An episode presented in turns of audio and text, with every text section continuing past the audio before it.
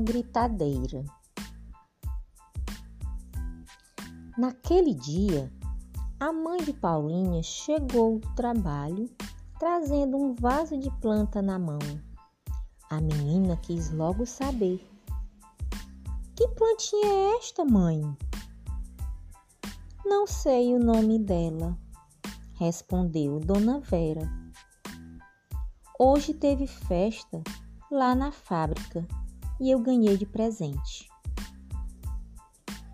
A planta tinha folhas brilhantes de um verde bonito e flores alaranjadas. Paulinha então pediu para sua mãe: Posso cuidar dela?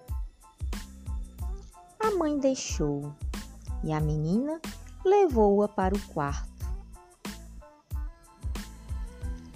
Enquanto escolhia um lugar bem iluminado para ela ficar, ia falando com a plantinha.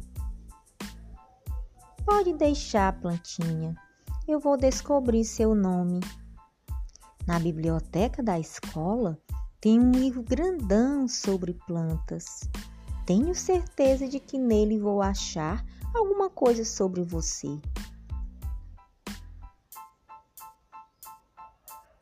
Instante depois, lá da sala, Dona Vera chamou para ir ao supermercado. Paulinha gritou: Estou indo! E correu. Mas logo parou porque ouviu uns gritos esquisitos. Sacola! Sacola! Sacola! Os gritos vinham de onde a planta estava. Paulinha olhou sem entender nada e a planta falou: Leve alguma sacola que tenha na sua casa. Assim vocês não precisam trazer tanto aquele monte de sacolas de plásticos que vão acabar indo para o lixo e poluindo o planeta. Paulinha ficou muda de espanto. Sem entender direito o que acontecia, abriu o armário, pegou uma sacola de pano que tinha ganhado da sua tia Margot e saiu.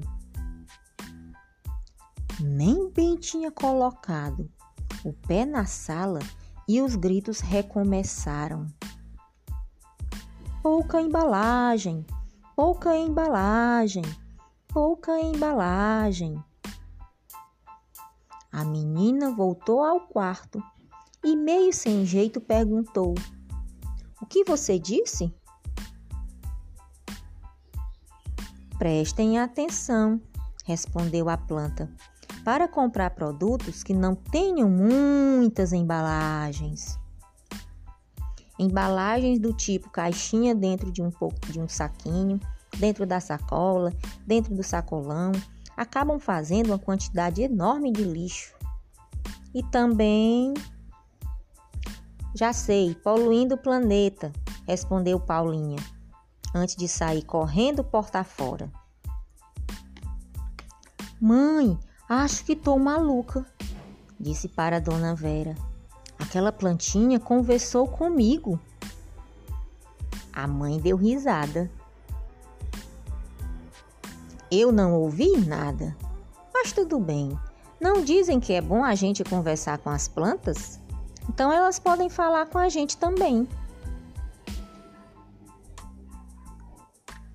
E as duas foram às compras. Elas compraram bastante legumes e verduras frescas, preferindo sempre os da época, porque são mais bonitos e baratos. Quando chegaram em casa, Dona Vera foi preparar o jantar. E nem bem a mãe tinha começado a descascar os legumes, a menina ouviu a plantinha gritar: Casca e talo, casca e talo, casca e talo.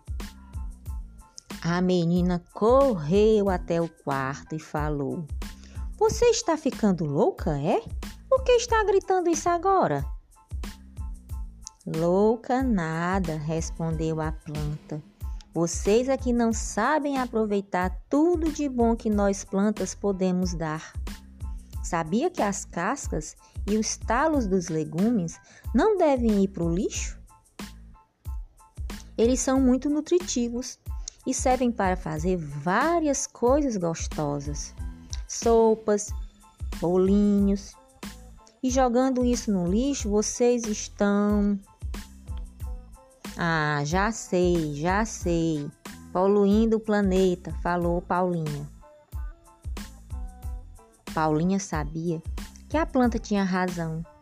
Conversou sobre o assunto com a mãe e as duas acharam que era uma boa ideia conseguirem receitas novas que usassem as partes dos legumes que geralmente jogamos fora. Ia ser uma economia e tanto.